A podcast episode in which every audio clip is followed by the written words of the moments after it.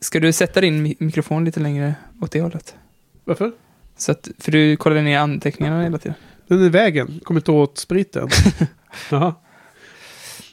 Ja, vad var det? Du, skulle, du, skulle, du hade ju någon tanke om eh, Wellington-biffen där, eller vad var det? Ja, det känns som att eh, Alex och Sigge har, har startat en biff med oss. De har ju rippat vårt intro totalt och sen, eller det är inte rippat, de, det verkar som att de har blivit kraftigt in, inspirerade av vårt förra intro där vi gjorde tre intron samtidigt. Ja, ett intro inom ett annat intro inom ett tredje intro. Ja, de, fast de tog ju det till en helt ny nivå i deras. Såklart. Det kanske man inte fattar om man inte har hört avsnittet nu. Ja. Men, men alltså, de har ju minst dubbelt så många lyssnare som oss, så det är klart att de måste ta det till en annan level. Eller hur? ja. Ja. Ja, nej men eh, det var lite kul med senaste eh, avsnittet tycker jag ändå när, eh, när de hade en, en eh, tydlig feedback på vårat eh, All Men Are Beast-program. när vi pratade om att eh, om den här onda eh, eh, kraften in, inombords som kunde ta över och som man måste kunna känna ansvar för och kunna behandla och liksom antingen ge vika för eller inte och allt det här. Och sen, jag tänker på Alex eh, lite absurda historia om eh, Jo, när, han hade blev, när han blev ett djur. Jag hade faktiskt skrivit upp det i mina anteckningar också där med hans liknelse, för jag tänkte också på att det var så jäkla, det var jäkligt likt, nästan lite för likt, Ja. vårat, eh, vårat snack som vi hade där om, eh, ja, för att förra måndagen för en, en och en halv vecka sedan, det är ju tisdag nu, vi sitter och spelar in det här Ja. tidigare än normalt sett. Den, och sen då bara några dagar senare så har de det här snacket. Jag menar, jag är övertygad om att de har ju eh, lyssnat på vår, vår, vår podd och tagit in det här i, sin, i, sitt, i sitt content. jo men det, det, det tror jag, det tror jag absolut de har gjort. Så det är alltså nu konsta- konstaterat att Alex och Sigge härmar oss då, då i eh, tema, tematik och eh, idéer från, från Buffy-podden får liv i, i Alex och Sigges podcast. Det är bra. Det är fint. Den, den illusionen kan vi ju leva med. Ja, den faktan menar du? Ja. Det kan vi göra. Precis. Men vad säger du, ska vi eh, dra igång? Ja, det tycker jag.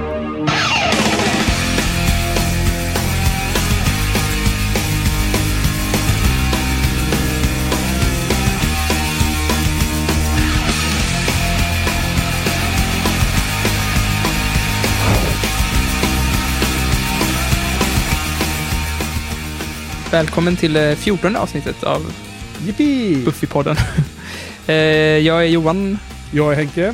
och idag ska vi snacka om fyra avsnitt igen. Eh, avsnitt 9 på säsong 3, The Wish. Avsnitt 10, Amends. Avsnitt 11, Gingerbread, eller Gingerbread. Eh, avsnitt 12, Helpless. Men du, först innan vi eh, drar igång här och öppnar inboxen så tänkte jag jag skulle bara eh, berätta en sak. Jag har ju jag har haft sådana problem med hur du ska uttala skådespelarens namn till eh, Mr. Giles. Mm. Och eh, nu har jag äntligen gjort det uppenbara. Jag, jag gick in på, eh, på YouTube och kollade efter lite intervjuer med honom på olika talkshows och annat. Så att jag kunde få höra hur de introducerar den här skådespelaren. För jag, jag är så osäker. Han heter ju Head i efternamn och det uttalas ju så. Mm. Huvud. Perfekt. H-E-A-D. Men jag, jag, jag kunna aldrig tro, tänka mig att man hette ordet head i efternamn. Så jag har ju trott att den skulle uttalas på något speciellt sätt. Då, som ibland na, namn från den, eh, de brittanniska öarna kan ju ha lite konstiga uttal ibland. Eh, inte minst eh, mer norrut, Skottland och Irland och allt sånt där. Så han heter ju då Anthony Stewart Head. Eh, fast när man ser mer nyliga intervjuer med honom från lång tid efter Buffy-tiden, då heter han ju bara Anthony Head. Så han har Mm. klippt mellannamnet där. Ska vi börja kalla honom för Anthony Head? då? Anthony Head får gälla. Ja.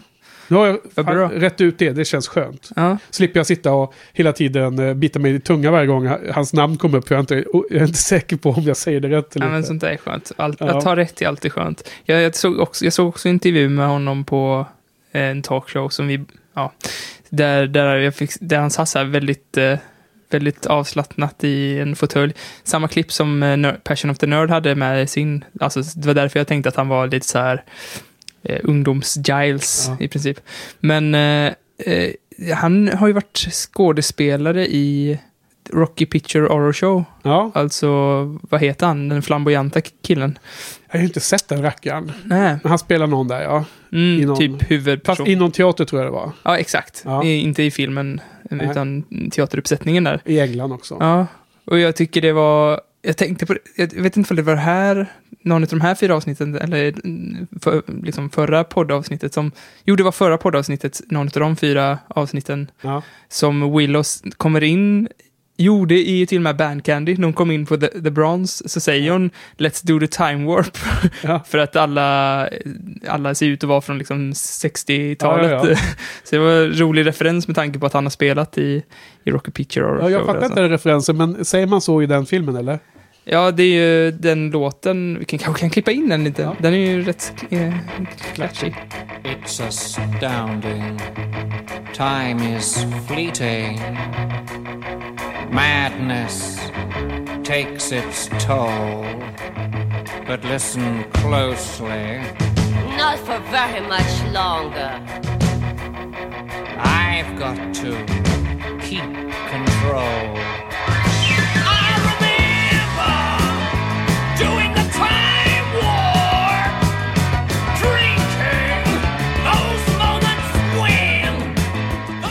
Men eh, på tal om låt så är han ju musiker också. Och han, eh, så han är en av de skådespelarna i gänget här som har eh, mu- mm, alltså musikerbakgrunden. Ehm, eh, och då när jag var inne på YouTube för att leta efter hur hans na- himla namn uttalas så hittade jag ett litet klipp som någon riktig fan hade lagt upp. Eh, som var ett supercrappy audiofil. Med stillbilder till som den här personen hade lagt in själv. Mm. Så ljudet var från en livekonsert där någon har spelat in med riktigt så här, du vet, dåligt. Det var ju som verkligen inte bra ljud. Men när han spelar eh, covern eh, från The Police, alltså Every Breath You Take. Mhm. Och den introducerar han ju som The Watchers Song.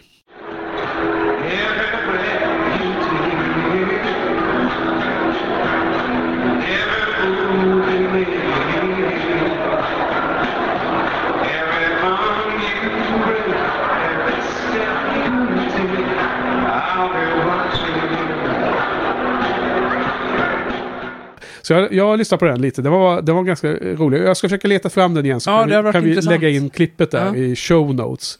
Kan, Så- Man kan inte lägga in eh, ljudet lite i Ja, det kanske jag också kan göra då förstås. Mm. Så kan jag göra. Men eh, det kanske vi redan har hört på lite nu då. Men det, Mm. det är nog eh, klippet man får titta på själv. Det får bli väldigt kort då på, um, på um, för det var vä- väldigt risigt ljud. Ja.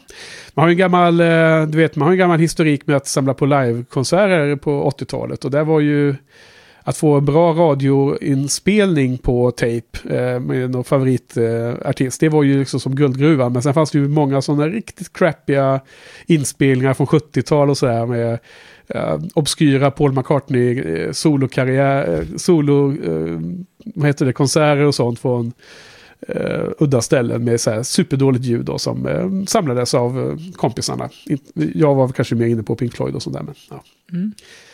Okej, eh, men du, ska vi gå vidare här? Jag, eh, vi, eh, vi går vidare till inboxen då. Nu är det ju tisdag så att det förra avsnittet kom ut igår. Och vi var tvungna att spela lite tidigare än normalt sett den här veckan för vi hade scheduling conflict som det heter. Ja, vet du vad? Nej? när, när vi satte oss framför mikrofonerna, Ja. då slängde jag ju upp vår hemsida med, där man kan eh, läsa kommentarer och sådär. ja Buffypodden.se. Precis. Och nu när jag kollar på vår hemsida så står det visa två nya kommentarer. Det har kommit två nya kommentarer medan vi har pratat. Ah. Medan vi har pratat om eh, vad Anthony Head heter. Ja. Jaha, från, från vem då? då? Och jävlar, alltså Sofia har lämnat en, två, tre, fyra, fem kommentarer Totalt, ja. totalt. Eh, eh, Okej, eh, ett- en kommentar per avsnitt. Ja, Eh, och en lite så blandad, eh, eh, hon kritiserar di- din parallell mellan Sigge och Angel, men hon, alltså grejen var väl, om jag får svara för dig nu, att, att det var auran som var lik, inte... ja inte exakt. Ja, hon, hon undrade lite om det var precis samma. Men det är jättebra. Tack Sofia för långa och bra Ja, kommentarer. Hon, ska hon vi är pausa nu och läsa? För det, Nej, nej, nej, men vi, vi, vill! vi kommer inte gå igenom kommentarerna utan vi vill bara highlighta att de finns. Ska vi gå på första avsnittet? Ja, vi går vidare. I wish Buffy Summers had never come to Sunnydale.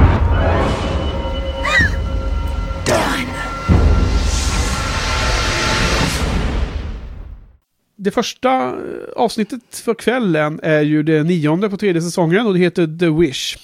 Och i, eh, eh, The Wish så inleds med att Cordelia som har blivit, eh, som har gjort slut med Sander, hon, hon får ju känna av eh, en väldigt eh, tråkig stämning bland sina gamla kompisar som mobbar henne för att hon har hängt med den här killen som, som är i loser-gänget eller i nörderi-gänget. Ni vet den här klassiska uppdelningen i, i, i, amerikanska skolan och även hemma hos oss förstås också.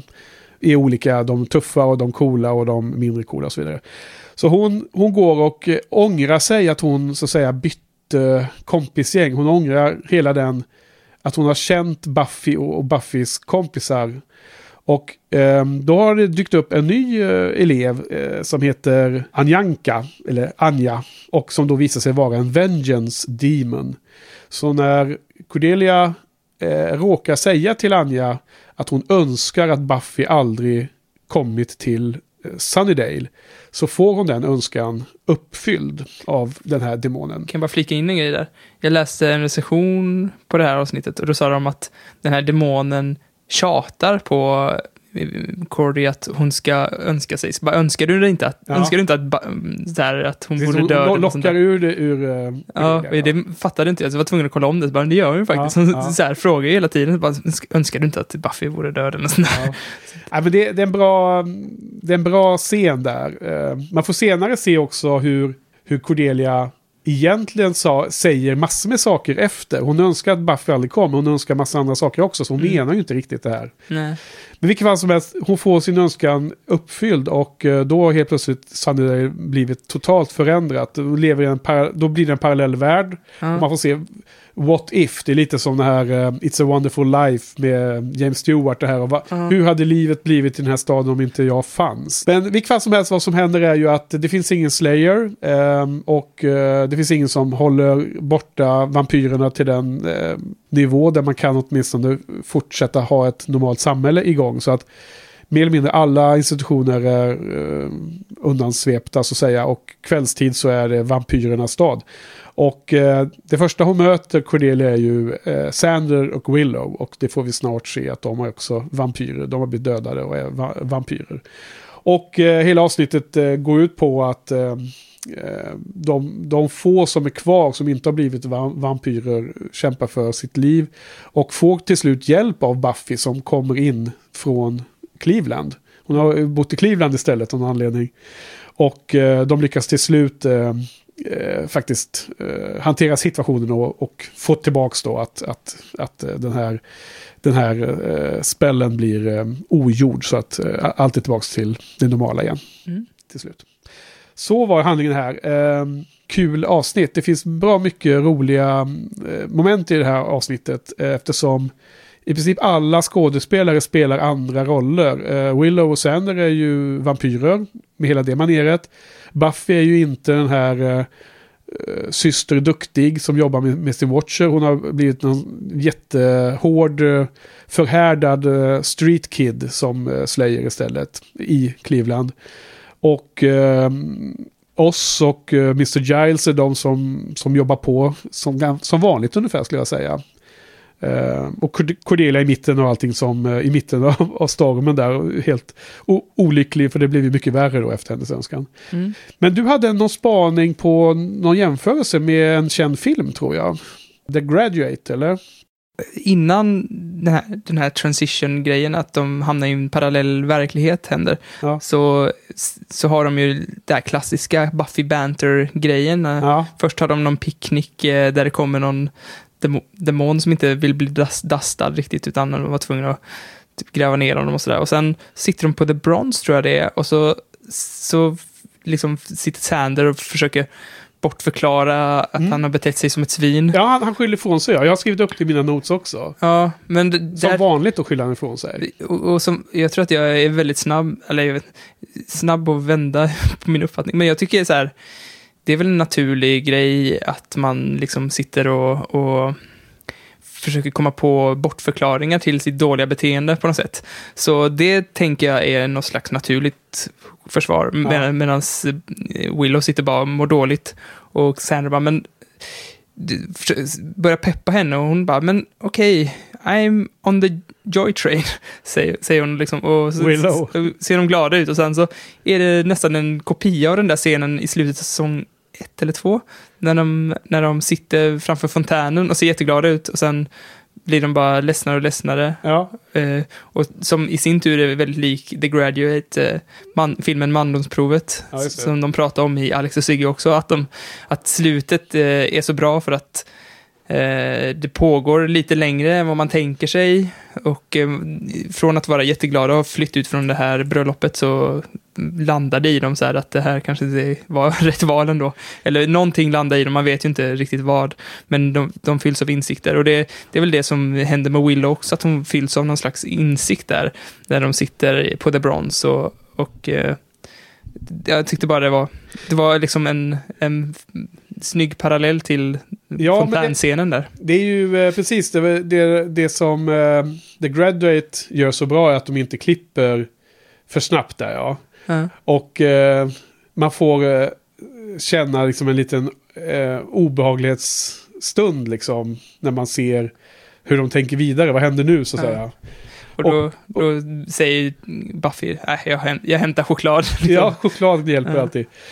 Jag var tvungen att ställa mig upp här nu för jag fick ont i benet. Men eh, när du, du eh, den där scenen som är framför en, eh, vad heter det, eh, Fontän. fontänen ja, det är ju i slutet av ett avsnitt i första säsongen som vi nämnde härom sistens. Där det är när de kommenterar att de, de skojar om att inga förhållanden kan lyckas bra på The Hellmouth. Nej, precis. Och sen när alla har skrattat så här, lite ansträngt på det, över det skämtet så sitter alla och tänker att oj då, det där är nog inte ett skämt utan det är nog mer sanning. Och då får de den där eh, lite beska eftersmaken i munnen på samma sätt som Willow och Sander fick nu när de försökte övertyga sig själva att de skulle vara glada istället för Ja. deprimerade. Ja, just det. Ja, den eh, kopplingen ja.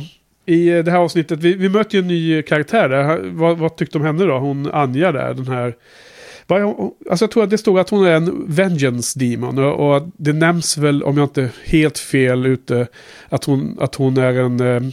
Det är något om att alla scorned women eller något sånt där. Alltså det, hon, hon eh, vengeance från eh, förrättade kvinnor då. då. Ja, det var rätt intressant scen faktiskt när eh, Giles kallade på henne och pratade om scorned women. Och så Ja. säger hon till och med, bara, hur vågar du kalla på mig med det, Mm. på det sättet liksom? Så bara, och Giles bara, jag är inte rädd för dig. Du, du kan bara skada genom önskningar. Så då, då tänkte, jag tänkte nog bara att det var en wish demon liksom. Ja. Men det är väl klart att det är säkert en vengeance demon då. Eftersom det är så, det är så hon jobbar liksom. Det är Ja. inte, det är inte snälla wishes hon uppfyller. Nej, för att det går ju helt åt helskotta i det här avsnittet. Jag menar, i princip alla våra huvudkaraktärer dör ju i det här avsnittet. Tills, eh, vad är det, Giles krossar det här lilla smycket eller vad det är som hennes kraft ligger i. Va? Eller som hon kanaliserar sin kraft igenom. Så att själva den här eh, önskningen blir ogjord då. då. Jag tyckte hon var en eh, bra, alltså för det, det kändes som att eh, Cordy behövde någon ny liksom, kompis för att hon hamnade lite utanför allt där. Ja. Så hon kom ju precis i rätt stund, så jag tänkte inte alls på, inte förrän hon vände sig om och såg helt eh, bränd ut i ansiktet, att hon Att det var något en- konstigt med henne. Ja, precis. Nej. Så att jag, ja, det, det funkar, det var effektivt, Ja, tycker jag. Jag, jag- jag, jag tycker på tal om scener som eh, jag faktiskt blev överraskad av igen, som jag inte alls kommer ihåg. Det är den här första scenen när, när Cordelia kommer tillbaka till skolan. Och hon har ju varit sjuk innan. Hon hade ju den här skadan som hon har varit borta för ett tag. Mm. Och när hon träffar sina gamla kompisar med, vad heter hon nu igen, eh, den blonda tjejen, jag har glömt hennes namn då. Buffy. Nej, men hennes gamla kompis. Eh, Gamla kom- Amy. Nej, den blonda tjejen som är lite leader of the pack och det gamla. Ja, ja, hon- eh, vad hon nu heter. Ja, Ja, nu står det helt still huvudet Ja, på mig. Ja, du, du, du jagade bort det, det var på tungspetsen. Ja, skitsamma vad hon heter. Men då så hälsar de ju Cordelia så hjärtligt välkommen och är jättesnälla tills det visar sig att de bara driver med henne. Och gör, eh, de säger bara något så extremt elakt till Cordelia. Ja, Den scenen tycker jag är liksom fortfarande lite... Den är fräsch på det sättet att man blir helt omskakad. För jag, jag hade helt glömt av att det var liksom en, en sån elak scen. Att, Ja. inte var, att de inte var snälla. Alltså för det sätter ju upp... Man förstår ju 100% Cordelias känsloregister och exakt vad, hur hon känner det och hur ja. ensam hon blir där på skolan. Det är så fruktansvärt att se, för man, nu har ju alltså Cordelia har ju vuxit jättemycket hos mig eh, Ja. på sista tiden. Och hon, det känns ju som att hon har lagt på sig en speciell stil för att liksom uthärda det här helvetet som är eh, high school. Ja. Och eh, också offrar hon allting hon har liksom byggt upp där med de här Mean Girls-tjejerna. För att vara med Sander. Och Sander bara pissar över allt det där. Ja. Och Sander har ju inte offrat någonting, liksom, utan det är ju, det är ju bara Cordelia som har, som har fått offra sig för deras förhållande. Ja, precis. De, eh, ja, nej, vi, ska, vi ska inte stå och gnälla på sänder hela tiden. Det måste bli tråkigt för folk att lyssna på. Eh, var det något mer då? Du hade, du hade en annan spaning om eh, hur eh, scenerna glider in i varandra. Hur klippningen av, av serien har, har utvecklats. Ja, har du tänkt på det? Att, att liksom, förutom att produktionsvärdet har liksom ökat, hur trans, transition, alltså mellan scenerna liksom har blivit eh, inte bara snyggare tekniskt, utan att det känns som att de har eh, lagt energi på att eh, tänka igenom snygga transitions. Ja, alltså. Det är ju många gånger som det är i dialogen är helt otroligt häftiga klipp mellan olika scener. Där, ja, hur var det nu? Nu har jag inte repeterat det här citatet, men jag tror förra veckans avsnitt är ju något av avsnitten där, eller är det den här veckan? Ja, kommer inte ihåg, men när, när Buffy säger i någon scen någonting till sin mamma att eh, you, you need to calm down, säger hon till sin mamma, har jag för mig. Och sen Ja, så klipper de och så är det så klipper man rakt in en scen när Mr. Giles säger till Buffy You need to ca- calm down. Liksom de, de leker med de här att, att repliker återkommer fast i ett annat perspektiv. Ja. Jättemånga gånger. Alltså det, det ser man titt som tätt så här. Det är väldigt, Det- svårt, det- att, väldigt svårt att åskådliggöra det här. Det, måste Ja. man, det här måste ses. Det är ginger, gingerbread-avsnittet. Eh, Ja, det, okej, det är den här veckan. Men, men eh, det är exakt det jag menar. Det finns ju också en scen där de säger you know, alltså när, när eh, Cordelia säger you know what all my problem is och sen så klipper de till en helt ny scen där Ja. de, någon säger till typ Buffy Summers, Buffy Summers, ifall det är direkt- rektorn eller något som utbrister Buffy Summers. Och, och det är också det här vad fan heter han, Cornetto-trilogin Killer? Edgar Wrightigt sätt Ja. att, att göra transition. Har man sett Space, heter den scenen? Ja, Där jag är har det inte sett den. Eh, Den är också så här grymma liksom, transitions hela tiden. Någon brittisk eh, dialogdriven science fiction komediserie va? Spaced. S- inte science fiction, tror Inte? jag inte. Nej, den utspelar sig mest i en liksom slackers lägenhet. Jaha. Han har väldigt vild fantasi i och för sig. Ja, så jag har kanske blandat ihop att det skulle vara science fiction också är inblandat. Simon Pegg. Mm. Jo, men jag har hört det namnet på den serien. Jag har inte sett den då, uppenbarligen. Men ehm, eh, det är han som gjort de här Cornetto tri- Trilogy med ehm, Shaun of the Dead och ehm, Hot, Hot Fuzz. Fuzz. och vad heter den? End of the End- World, yes. eller? Men är de kända för att, att eh, han, han har, bra klippteknik och att det används på samma sätt, eller? Ja, det finns faktiskt en skitbra liksom, studie i det där som ligger på Vimeo. Den borde vi länka in eh, i avsnittet. Jag ska Ja, se om jag hittar den. ihåg allt det här? Ja, vi, det Men måste skrivas upp när jag klipper Jag, det jag, jag, skriver upp det i mina Ja. anteckningar. här. Ja, Okej, ja, men den, den kopplingen, det har jag, jag tänkt på många gånger Johan, måste jag säga. Att, eh, att det, det är så svårt att formulera det här på en podcast, vad som är så bra i, i dialogen och hur de här avsnitten är klippta. Men nu jag var inne på det en annan gång tidigare här. Och sen måste jag också ursäkta för att jag blandar ihop avsnitten här. För att nu, speciellt nu när vi spelar in ännu kortare än en gång i veckan. Nu har det gått färre dagar. Det blir som att avsnitten glider ihop i varandra. Man, nu har man sett åtta avsnitt på mindre än en vecka. Liksom. Mm. Det, det blir lite lätt att det är rörigt. Men, men jag tänkte på det som jag tidigare sagt. att De lägger väldigt mycket tid på att sätta upp avsnitten.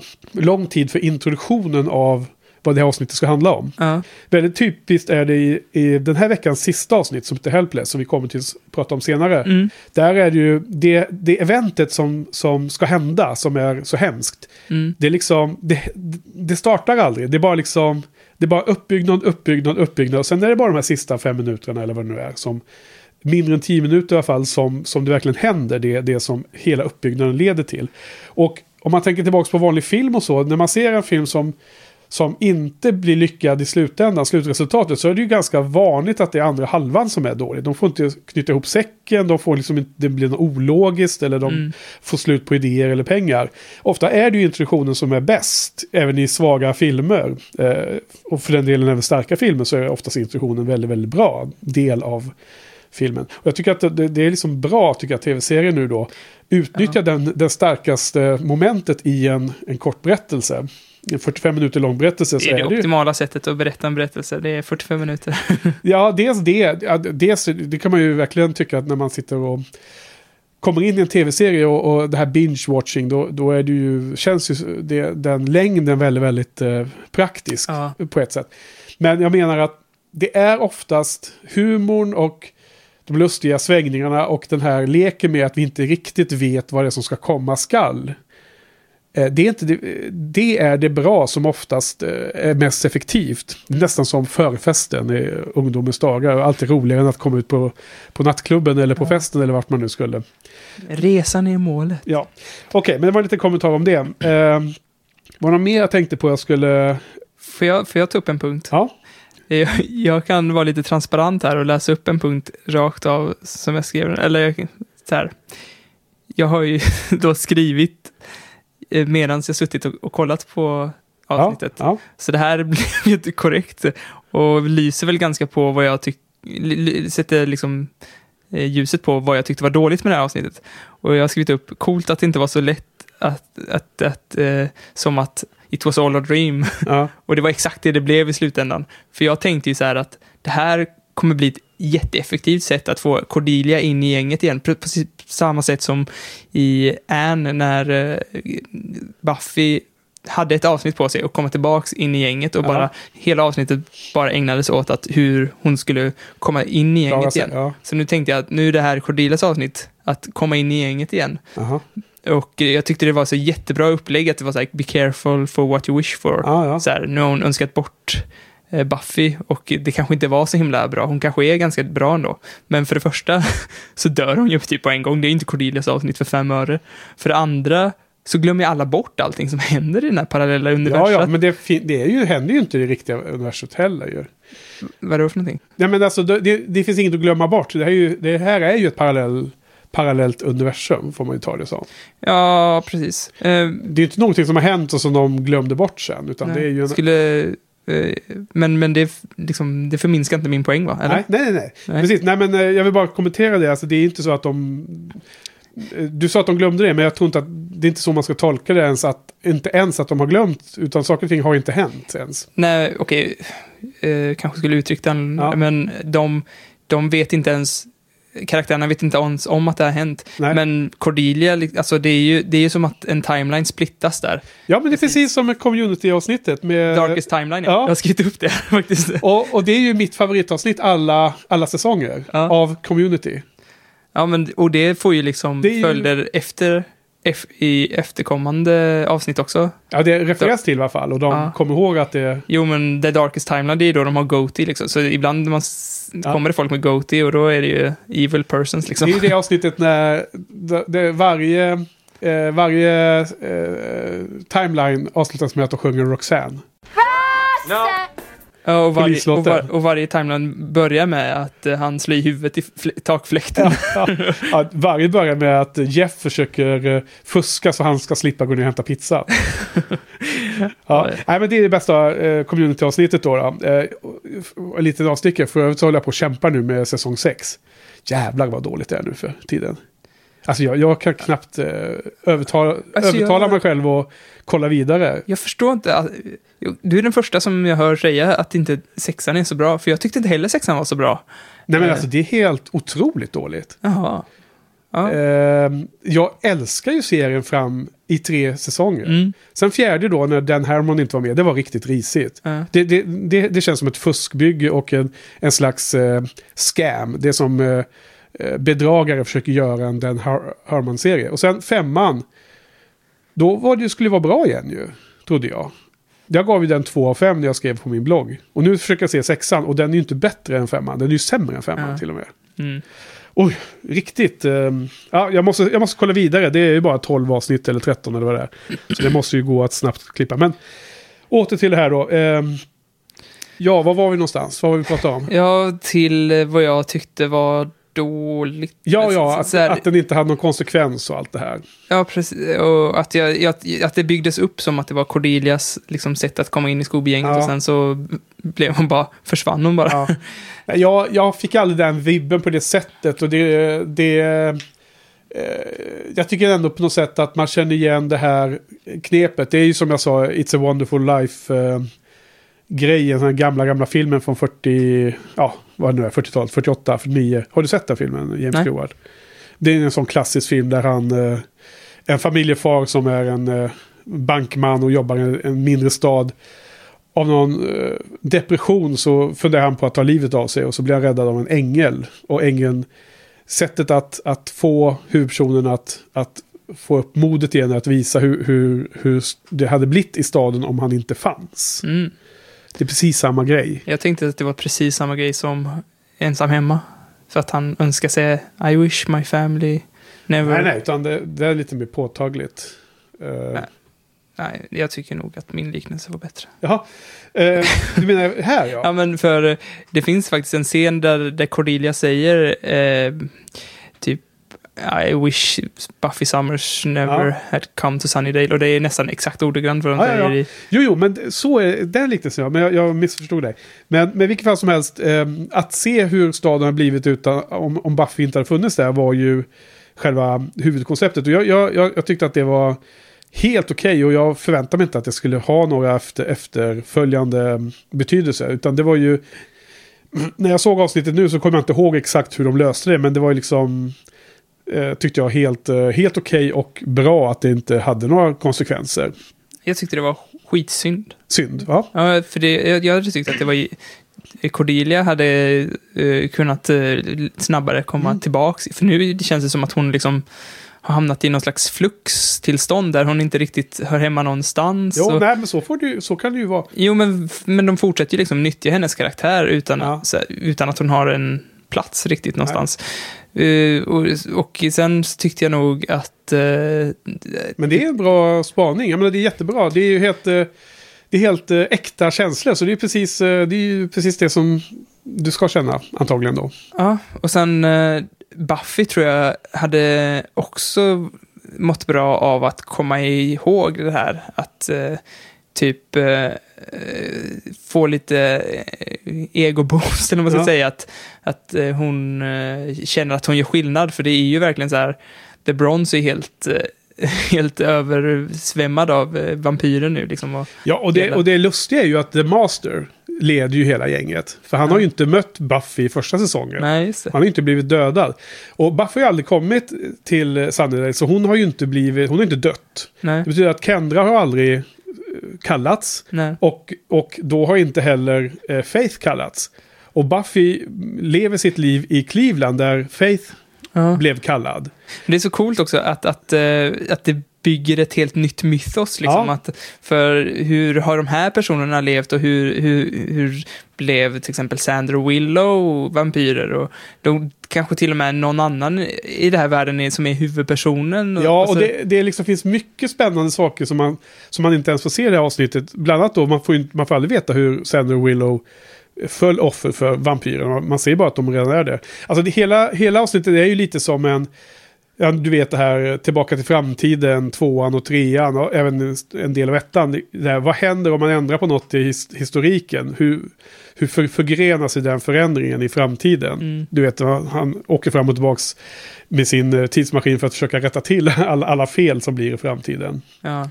Du har, du har sett eh, Tillbaka till framtiden? Det var eh, jättelänge sedan Ja. faktiskt. Så att, jag- men jag känner till Men, konceptet. men, men, men hela tvåan och trean bygger väl på i och för sig att man ska försöka rätta till vad som blir fel bara för att man har ändrat någon Ja. gång på historiken.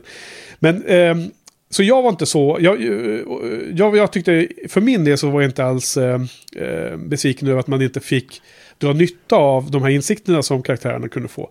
Men istället så tyckte jag att fokus för mig på det här avsnittet var ju att alla skådespelarna fick chansen att spela annorlunda karaktärer. Jag tyckte att det var helt underbart.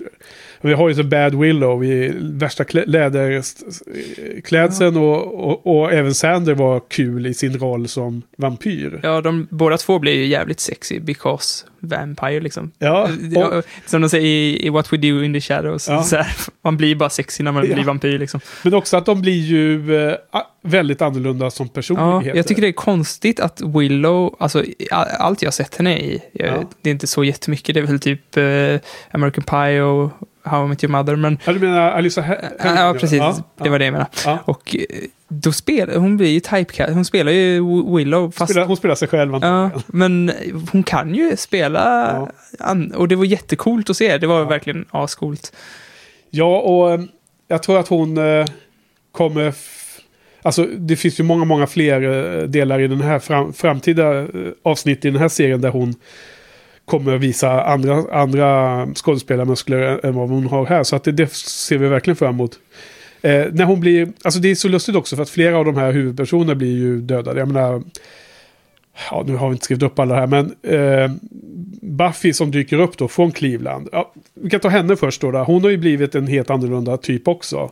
Hon har inte haft någon watcher som har hjälpt henne. Hon har ett stort ärr över ansiktet, över Mm. överläppen ner, ner, ner till hakan.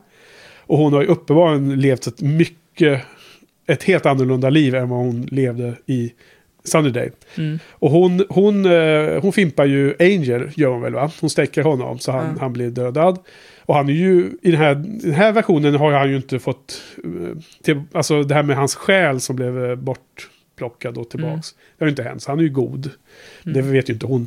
Och eh, vem är det? Det är väl oss som um, stakar Willow till slut. Mm. Och då är det en kommentar här som jag också, eh, som jag läst nu i efterhand, som jag skrev om för tio år sedan på, min, eh, på, på forumet. Att när, när Willow blir stakad så det blir lite slow motion när när det här dammet som blir. Mm. När en vampyr dör så blir den ju eh, den blir ju dusted. Det blir som en, hela kroppen blir bara som en damm och sen så faller det oftast ner väldigt snabbt. Det var verkligen en helt ny nivå av dastning i det här avsnittet. För det var så här slow motion och jävligt mycket krut har nog lagts på den där dastningen alltså. Ja, och jag, det blir en väldigt vacker form av dammmolnet. Det blir, alltså jag får en känsla av att det är liksom som en ängel nästan. Ja, Tänkte du på det eller? ja nej, det gjorde jag inte, men du, du sa det alldeles Att den var som vacker Ja. i alla fall. Den, den såg ju, alltså det, det är en ganska powerful scen tycker jag generellt sett. Att alla de här relationerna löses upp på det här sättet i den här dimensionen. Ja, alltså du har inte varit ensam om att tycka det, men jag, jag har inte... Jag, jag, jag kände ingenting när, när Buffy stakade Angel, bara för att det var i ett parallellt universum. Ja. Liksom. Nej, nej, jag tyckte inte det var så här det. anmärkningsvärt att, att de stakar varandra Ja. till höger och vänster. Och det kändes som du att kände ingen, inte det i hjärtat alltså? nej, men ingenting hade någon riktig tyngd i det universet. Jag tyck, Nej. det enda jag tyckte var coolt var att, att de såg så annorlunda ut och, var så annorlunda personer. Det var coolt att se, men Ja, vilka som stakar, jag kände ju inget för någon av de där personerna liksom, så ja. jag tyckte inte det, ja, det hade jag, jag, jag kan säga så att jag, jag kände i de scenerna, i den, den stora uppgörelsen mot slutet när flera av våra eh, favoriter eh, blev eh, tillintetgjorda. Det kändes tyckte jag. Sen så tyckte jag också på ett eh, eh, intellektuell nivå så tyckte jag att det var himla kul avsnitt som, som de som gjorde showen måste ha haft himla kul med också. Alltså Ja. de, de flyttar på folk och vem, vem har överlevt, vem har inte överlevt, hur är Mr. Giles?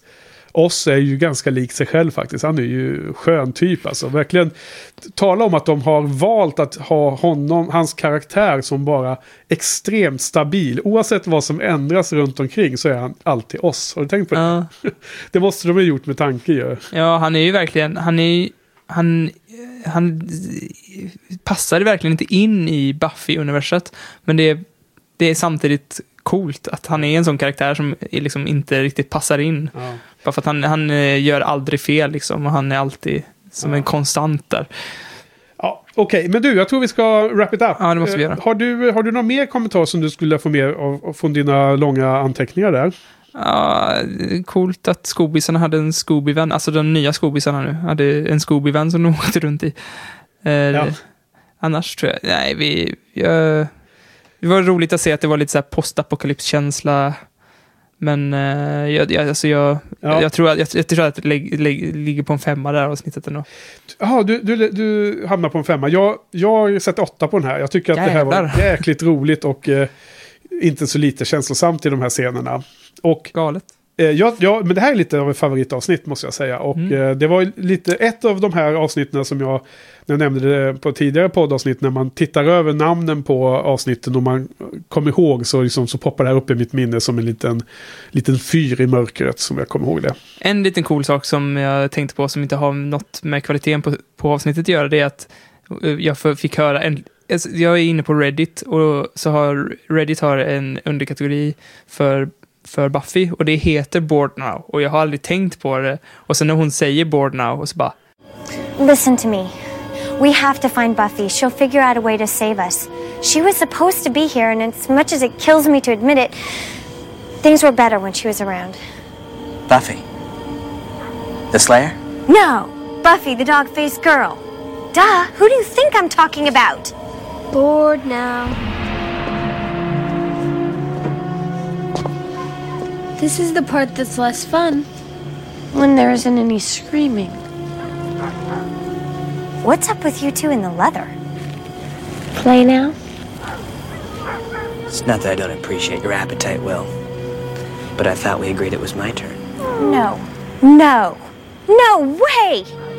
I wish us into Bizarro Land and you guys are still together? I cannot win! Uh. Ah, det är därför som det här forumet heter Bored Ja. Now som jag hänger på. Ja. Så det var, det, då liksom trillade en polett ner, så det var rätt eh, coolt att se. Ja. Så jag antar att, för hon säger det tror jag flera gånger i det här avsnittet, så jag misstänker att det, Ja, eh, det är hennes catchphrase. Ba- Bad Willow var, blev lätt uttråkad. Ja. Det var, det, hon höll på att tortera Angel. Det var också, tyckte jag, väldigt bra. Men För det var så, så Jag kraftig, kände ingenting. kraftig switch ifrån eh, hennes vanliga. Ja, för tio år sedan så satt jag nia på den här. Mm. Så att jag var inne i samma härad, men, eh, men jag, jag valde åtta nu innan jag kollade upp vad jag hade tyckt förra gången. Det är kon- konstigt att vi känner så olika för det här avsnittet. Ja, men det är väl bra. Du kommenterade någon gång att ibland eh, vi känner, vi har precis samma betyg på flera förra veckan. Ja. Det är bara bra om vi har olika ibland. Men det känns ändå som vi har inte äh, bråkat så mycket i det här avsnittet. Nej då, men det behöver vi inte göra bara, för vi... eh, Att, ja, men Ja, vadå? pausa nu då, din Vänta. jävel. Nej, men det, bara kommentera det. det är inte, man behöver ju inte um, tycka olika och inte förstå varandra, utan man kan ju bara reagera olika hårt på det. det är precis, du har ju motiverat varför du inte tyckte att det var speciellt eh, kraftfullt, men jag, jag tycker tvärtom. Men vad du, ska vi gå vidare till eh, det andra avsnittet? Vi, eh, eh, ja, tiden är ju som vanligt, men eh, vi går vidare med nästa avsnitt. But you see, That's what makes you different than other beasts. They kill to feed. But you took more kinds of pleasure in it than any creature that walks or crawls. oh god, Yeah. Cry out. Oh. Make a scene. I was to be married that week. But then, as I recall, you knew that. it wasn't me. It wasn't you. A demon isn't a man. I was a man once. Oh, yes. And what a man you were.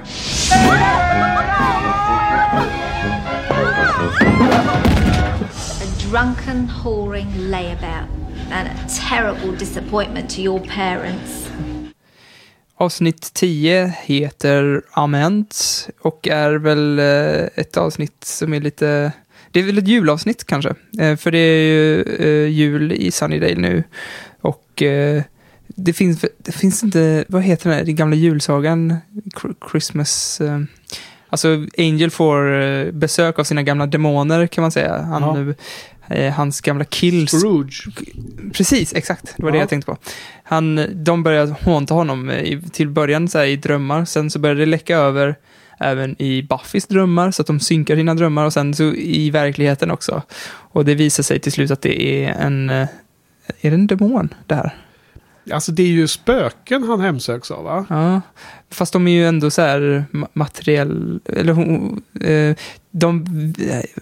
Eh, till största delen så eh, visar sig det här spöket som Miss Calendar, Ja. som för övrigt har på sig samma kläder som hon hade när hon dog. Ja. Eh, ehm, och hon, kan ju, hon masserar ju bland annat Angels huvud, så att hon... hon Ja, det, det är lite oklart där vad som är i hans huvud och vad som sker i verkligheten. För att när han ser henne, så- om någon annan person är i rummet så kan inte den andra personen se henne. Så att det är ett spöke i någon mening i hans huvud. Ja.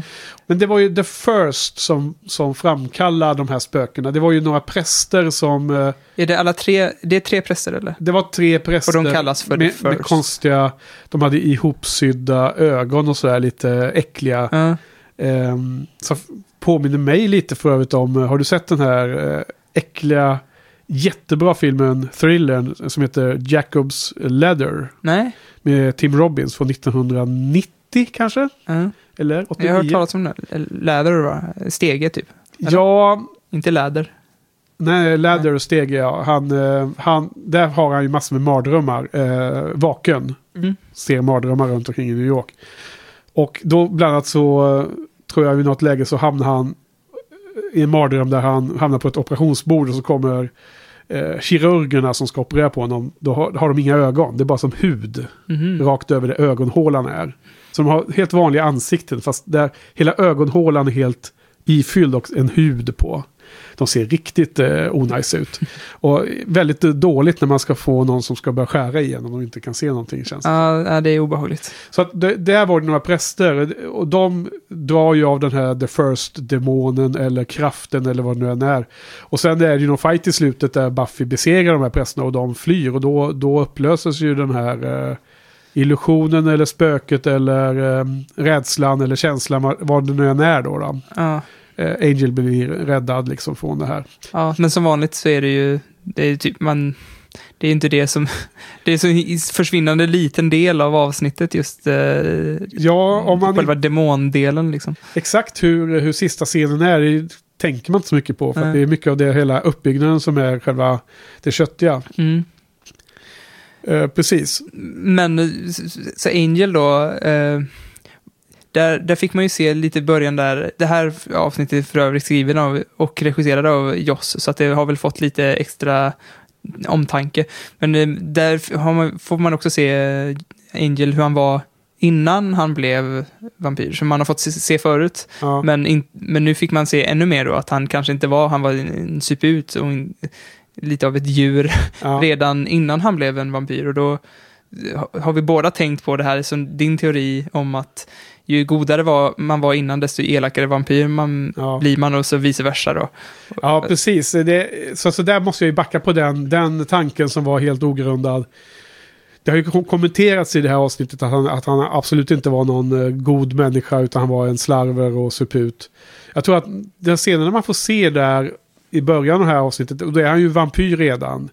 Eh, och så dödar han den här mannen som ska gifta sig den dagen. Mm. Och det är en av de här spökena som, åter, som, som, som kommer och hemsöker honom nu i nutid. Då.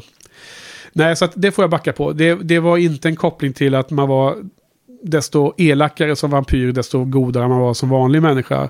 Utan det är någon annan form av koppling till varför eh, Angel anses som en av de mest elaka vampyrer som har funnits. För det har ju uttalats tidigare. Mm. Jag tror det var när, ja skitsamma, men det var någon som sa det i alla fall. Att Jo, men det var den där stora blåa smurfen. Va? Ja, var det, som- ja, som, det var han som var imponerad av Angel, ja, just det. Som typ bara, nej, eh, vad heter? Spike luktade så här reeks of human och han var sig inte, men han, han eh, Angel var ju, eller eh, Angelus, han Ja. var pure. Liksom. Fjör, ja, precis. Det var den ja. Ja, just det. Och eh, jag tyckte en sak som var viktig i handlingen var ju att alla de här spökena och framförallt Miss Callender försökte ju då hela tiden övertala Angel att om han bara dödar Buffy skulle allt bli bra för honom. You can't live for eternity with all that pain. This is what you are. This is why we brought you back. Take her. And then you'll be ready to kill her.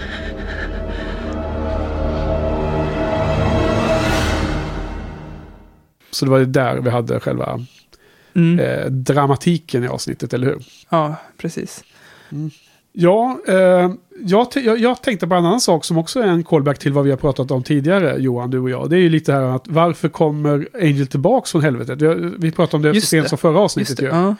Och att du, du, du tyckte det gått massor med avsnitt och han bara finns liksom. Varför är det ingen som, som undrar och så. Ja. Jag tycker ändå att det är lite bra då att nu, nu har ju showen då besvarat det. Jag vet inte hur klockrent den här beskrivningen var, men så som jag uppfattade i det här avsnittet var väl att att han fick ju reda på att det anledningen till att han kastades tillbaks ifrån helvetet till den, till den, ja, verkligheten, till den, den vanliga verkligheten var att han skulle få lida de här kvalen som han nu lider när han känner ångest för vad han har gjort då, alla sina onda gärningar. Och att det förstärks i det här fallet med de här spökena och de här mardrömmarna han får från, eh, från de här prästerna. Men är, det- är, det, är, det, är det någon som har tagit det beslutet då? Så här, Alltså det, det sägs i det här avsnittet, på något sätt så säger någon, eh, kommer inte ihåg om det, om det är Miss Calendar, spöket eller vem det är som säger det att har du inte liksom undrat varför vi kastar tillbaka dig ungefär? The First, den här kraften som eh, refereras till, är väl någon form av ursprunglig evil. Före demoner, före vampyrer och så. För jag, jag tycker en skitbra replik som Angel har, det är ju när han frågar så här, Why am I here? Ja. Så här, I need to know why I'm here. Den repliken, hade de bara haft den repliken någonstans i början av den här säsongen Ja, så hade jag varit nöjd Ja, liksom. För ja. det känns som att man inte har ad- adresserat det alls. Och jag tror att det här avsnittet, det hade känts bättre. Jag hade tyckt det var bättre om det kom direkt efter Beauty and the Beast. För att det känns som, ett, som en liksom som en del två av den, eh, det avsnittet nästan lite grann. precis. Eh, Du menar att han har den här oron, den här, ons- det här mörkret i sig. Mm. Alltså det, det, är, det är ju... Jag håller med. Jag håller för det första med. Eh, så håller vi med ibland också. men, men jag tycker att det är också en kommentar som eh, Sofia, vi gick ju inte igenom hennes kommentarer för att eh, hon har skrivit de långa bra kommentarerna Ja. från förra avsnittet och innan. Men hon skriver en väldigt, väldigt bra sak. Egentligen är det väl hela temat på säsong tre är ju mer och mer tydligt att det handlar om mörker som man har inom sig som man måste kämpa mot eller hemlisar man har inom sig. Ja. Och hela säsongen tror jag bygger mycket på det. Jag menar, Angel har ju uppenbarligen sitt mörker inom sig, sin demon som han, ja. Mm. Eh, och ha- hans ångest för vad han har gjort, i det fallet han är mänsklig. Och Buffy gömmer det faktum att, han, att hon vet om Angel. Absolut, det var ju en eh, hemlis som hon var på. eh, Tidigare under säsongen så var hon ju uppe i Oakland och var Anne. Ja. Då hade hon ju det här mörkret i sig att hon flydde från vad hon hade gjort. Att hon hade eh, dödat Angel trots att han var god och hon var tvungen att eh, göra det för att hindra helvetet skulle komma upp på jorden. Eh, vi har ju den hemlisen mellan Sander och Willow. De går bakom ryggen på sina respektive eh, pojk och flickvänner. Mm. Hela den grejen. Det finns fl- flera avsnitt här nu då när ehm, eh, Mr. Giles blir jättebesviken på Buffy för hon håller det hemligt om Angel och sen i, i kommande avsnitt som vi ska prata om om en liten stund, eh, Helpless, så blir ju Buffy jättebesviken på Mr. Giles för att han håller någonting hemligt. Mm. Ja, så vi, Sofia är ju klockren där, hon, hon eh, pekar på säsongens te- tematik och Ja. det här eh, spinner vidare på den te- tematiken. Jo, jag jag, jag, jag, håller med Sofia till 100%. Och, men jag tycker fortfarande att, att tematiken All Beasts, All Men Are Beasts, att den, eh, den hör ihop med det Ja. här avsnittet. Liksom. Så att de två avsnitten, om de legat Ja. efter varandra, hade känts bra tematiskt Ja. också. Ja, men jag håller med att, att de hänger ihop, att de funkar bra på det Och det sättet. dubbeltemat, Ja. eller det dubbelavsnittet, passar bra ihop i den här säsongen. Ja, liksom. absolut. Eh, däremot så måste man nog fundera lite på om vilken ordning är bäst. Antingen gör man det till ett rent dubbelavsnitt som du är inne på då. Mm. Eller så väljer man att lägga det separerat med vissa humoristiska avsnitt emellan som Band Candy och The Wish till exempel. Som det är nu, eller? Ja, som det är nu. Ja. Alltså, jag har inte funderat på den här frågan, men jag antar att som en showrunner måste man välja hur Ja. man fördelar sina 22 avsnitt. Ja, Eh, eh, och det kanske hade varit bättre att lägga dem efter varandra, säger du. Som en gut feeling. jag Eller har du ingen showrunner, jag känner bara att... eh, Vi, vi kanske inte ska hävda att vi är bättre än Joss på att eh, lista ut vad som är bäst här. Men, Men vi kan ju ha bara- åsikter, vi kan ha gut Ja, feelings. men, ett litet förslag och om Joss hör det här så, så är det bara att höra av sig om man behöver hjälp att lägga upp. Ja, nästa avsnitt. gång han gör en sju säsonger lång tv-serie. Ja.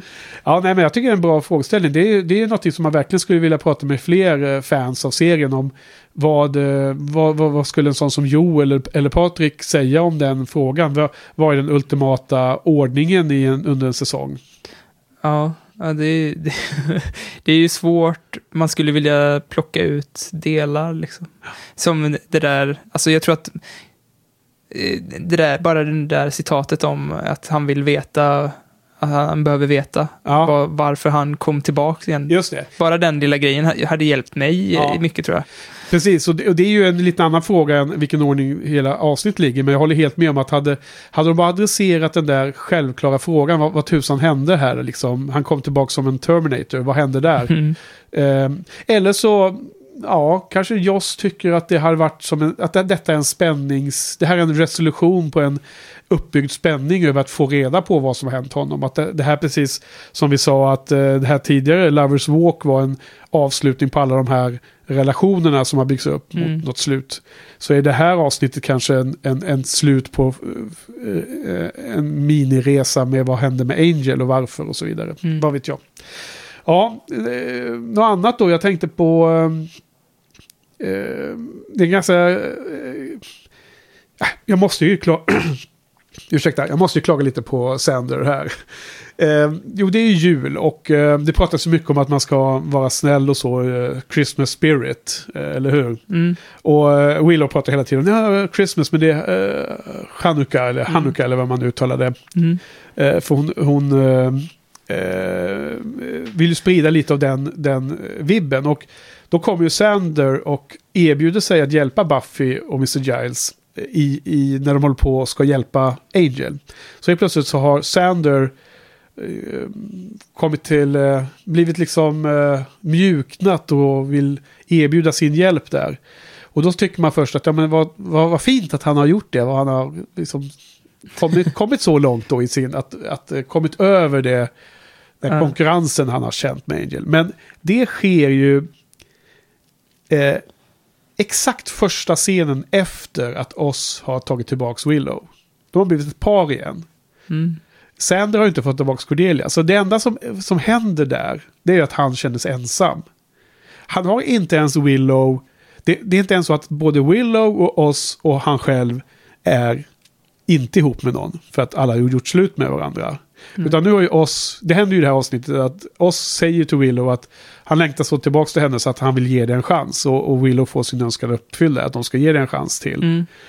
Sander är ju då den enda som inte har liksom någon love in the air liksom. Så då är han helt plötsligt så här Mr. Nice Guy och ska hjäl- hjälpa Buffy och sådär igen då. då.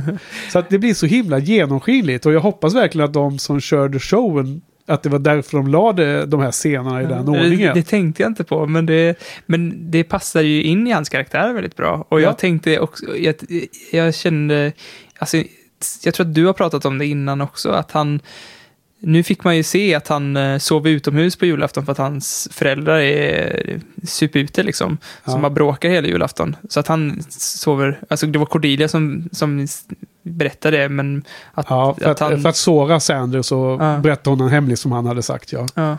Och det, och det så... Vilket var en ganska sorglig scen när hon sa så. Han, där, där kände jag litet sting av eh, empati med Sander när Cordelia avslöjade den hemlisen. Ja, men jag kände att jag förstod eh, Sanders karaktär lite. Att vara alltså, det här lilla problembarnet som bara eh, får liksom sova ute på julafton och och folk som är taskiga mot dem för att han, för att han aldrig har riktigt lärt sig hur man ska bete sig so, liksom, Ja. socialt. Liksom. Utan han har alltid haft någon slags eh, skydd, någon slags humorskydd, eller vad man ska Ja. säga. Någon, han, är alltid, han skojar alltid och han, man får aldrig riktigt komma in på liv. Man, alltså, vi tittare har inte heller fått komma nära honom riktigt. Det här med att han sover ute på julafton, det är ju det, liksom, det, det närmaste vi har fått komma Sander Ja. på. på Nej, men det, jag har inte tänkt så mycket på det, men det är...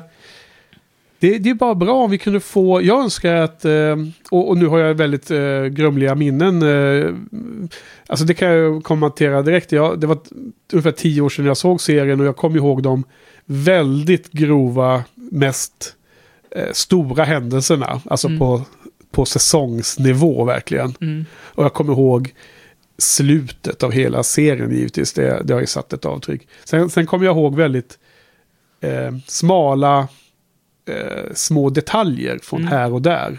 Något avsnitt här och där eller någon scen här och där och så vidare. Eller någon känsla. Jag kommer inte ihåg, jag kan inte redogöra för alla karaktärers kontinuerliga utveckling under hela säsongen. Alltså det är det är en återupptäckt för mig nu också. Så att jag är, jag är lite mitt inne i att uppleva Sander precis som du är, tror jag. Mm. Och jag hoppas att vi får, jag hoppas att han utvecklas till ett positivt eh, sätt. Man behöver inte ha någon som favoritkaraktär likt en eh, Cordelia eller Willow eller vad det nu kan vara. Eh, Och det finns andra kandidater i framtiden. Lyckligtvis kan jag lova. Ehm, men man, jag, vill, jag vill få en mer empati för och förståelse för varför han är ett asshole. Men jag, jag gillar också att jag, mina svängningar hela tiden kommer lite före dina, för jag hatade, alltså när jag var peak hata Sander, Ja. Då, då kom ju du veckan efter du hade samma liksom, upplevelse, och nu har jag liksom börjat känna lite empati Ja. för Sander. Får vi se nästa vecka då, ifall du också... Ja, för du vet, jag bara, jag bara härmar dig egentligen. Jag, har inga, jag är helt blank här inne, jag har inga åsikter alls. Jag bara det, var, det var absolut inte så jag menade. Nej. För, förlåt, förlåt om det framställs. Nej, Nej, men... men- jag bara. Nej, men jag vet inte. Alltså, jag hoppas att det är så här. Jag kommer ärligt talat inte ihåg om, om det här sker nästa vecka eller om det sker i säsong fyra eller sex eller whatever. Men jag hoppas ju att för, för showens skull så hoppas jag att en så här stor karaktär inte är så enkel så, så enkelspårig så som jag upplever honom i mitt huvud just nu. Det är ju det man önskar. För att få gott göra, du, dina känslor, alltså jag har ju följt dig i dina känslor för Cordelia, om man ska, om man ska dra den liksom Ja. gottgörelsen. Alltså, för att eh, jag fattar inte alls grejen med Cordelia och sen, så, så den kurvan har ju Ja. gått eh, åt andra hållet istället. Ja, och, och där måste jag, där ångrar jag mig lite. Jag var för, ehm, jag var för frispråklig om henne i början för att det var orimligt att ha så mycket åsikter om henne innan hon har börjat ta för sig i serien. Så att det var jag ju dålig på att eh, undvika spoilers. Men eh, jag tror till exempel så att eh, du har också någonting som jag däremot tror att jag har på, på en balanserad nivå ändå pratat om Mr. Giles på en rimlig Ja. nivå efter varje avsnitt. För Ja. han har ju alltid haft en stor roll i serien från första början. Och där har ju du också så svängt och Ja. kommit, tycker jag under säsong tre har du nämnt, eh, har jag hört att du har nämnt flera gånger Mr. Giles på Ja, han har ju vuxit mycket. Så- så Däremot, Angel har ju inte vuxit. Nej, det har inte kommit ännu. Nej. Där har vi ju där har vi ju den här funderingen på vad fasen vi ska göra med tv-serien Angel och om och när. Och jag, där, där tror jag ju att, eh, Om tio år kanske. eh, att, att den saken skulle kunna lösas. Eh, en annan sak, en liten kommentar, vi har ju en ganska härlig scen ändå, eller härlig, det var fel ord, en, en ganska intressant scen när I've heard people say that too much of anything is not good for you, baby. But You ever have that dream I don't know. where you're in a play and it's the middle of the play and you really don't know your lines Love. and you kind of don't know the plot? We Well- love and maybe We're alone, and we're together. it doesn't seem to me I just wanted it to be special. How special are we talking? Willow och oss har ju blivit ihop igen. Oss säger nu ska vi Ja, försöka. jag, jag tänkte glida in på det med Ja. här, känslorna för oss också. ja, ja För kör, kör dem först. För eh, oss, hur ligger vi till där? För han har ju alltid stått jättehögt hos mig. Alltså, och det här avsnittet, han bara ökar, ökar hela tiden Mm. Ja. hos mig. Men det här avsnittet har ju verkligen folk inte gillat eh, oss så mycket bara för att han är för den här, för mycket den här reko-killen. Ja, han är och, för perfekt liksom. och eh, mycket, Eller för perfekt. va? Ja, precis. Mycket tack vare den här scenen som du vill prata om nu, Ja. antar jag. Där, eh, Barry White-scenen. Ja, precis. Där, där ehm, Willow vill liksom eh, bevisa för oss att eh, det är bara han som gäller och Ja. erbjuder honom lite birthday sex. Ehm, och, och, eller... Han, han, hon erbjuder väl honom att han ska få smaka på blomman först av alla i hela världen. Ja, och eh, eh, oss behandlar ju den här situationen perfekt och liksom bara tack, men nej tack, jag vill att, inte att det, det här ska vara orsaken till att vi, jag vill att det ska, jag vet, jag kommer inte exakt Han säger att båda behöver, be, behöver behöva detta lika mycket. Eller något sånt där. Ja. För att nu är det bara hon som behöver bevisa någonting för honom. Och då så... Ja, hon, hon ska ju förföra honom. Hon har ju klätt sig i klänning. Vilket för det första jag inte tycker är hennes sexigaste klädsel. Det är ju liksom en vuxen klädsel. Ja, men det, det är exakt det här. Det känns som att hon, precis som du sa, Ja. bara gått på stereotypen, så här, eller så här, försökt hitta Hon spelar en roll som inte henne själv och då blir Nej. det väldigt osexigt i mina ögon. Och hon sätter på Barry White, liksom aldrig hört i den här supersmöriga Dra igång en jätterstor brasa mitt ja, i värmeböljan. levande ljus och allting. Och han kom in och han blev helt chockad. Vad är det här nu då? Liksom så här. Och eh, jag tycker det är en ganska kul, eller kul säger jag igen, en intressant scen därför att Joss har ju uppenbarligen kört med det här. Nu är det helt tvärtom igen. För det, i alla sådana här high school-filmer och serier som man tänker på så är det liksom en kille som försöker förföra en tjej och så säger tjejen att hon inte är redo. Mm. Men här är det tjejen som försöker förföra killen och han säger jag är inte redo. Ja, Och det och- är ju Joss grej. Ja, precis. Och, och Det är nästan inte är det- farligt att han, han får inte göra det för ofta Joss. Nej, men jag, jag tror att, jag tror att eh, han nöjer sig inte bara med att flippa perspektiven. För att jag tycker ju, alltså, den här eh, scenen är ju intressant. Eller jag tycker den är bra skriven i dialogmässigt och sådär. ja, Och det är inte bara för att de har flippat på perspektivet. nej. Så, så att jag, jag tycker De aldrig går att mer, mer på djupet ja, menar. Ja, Joss, Joss gör det aldrig så enkelt för sig så att han bara flippar på. Han Nej. har ju alltid en anledning till Ja, Alltså ja, ja. hela den här, det som leder upp till den här scenen är ju väldigt naturlig liksom, Ja. utveckling av deras förhållande. Liksom. Ja, man, man, man inte... köper faktiskt Willows lite desperata lösning på hennes problem som Ja. är att hon kan inte förmedla att hon verkligen vill vara med oss så mycket som hon ja, vill. Och jag gillar också att Joss inte så här, det man skrattar åt, är inte så här, haha vad tokigt att, eh, eh, att oss inte vill ha sex och, och tjejen är jätte eh, på på sex, utan det man skrattar åt är ju eh, hennes, eh, att hon har ju plockat på sig massa klichéer som man uppenbarligen har sett någonstans. Ja. Och som inte liksom är henne Hon är ju inte så överhuvudtaget. erfaren. Och jag tycker också vad som är bra i scenen är att den blir ju, den spelas också lite längre. Det, det klipps inte bara när han säger nej och sen så var det skämtet över. Utan de, det blir awkward liksom Mm. ett tag. De, de, de sitter ju där. Han har ju med sig sina video, alltså han har hyrt videofilmer som de skulle titta på. Så har hon helt plötsligt tänkt ut någon annan plan då. Mm.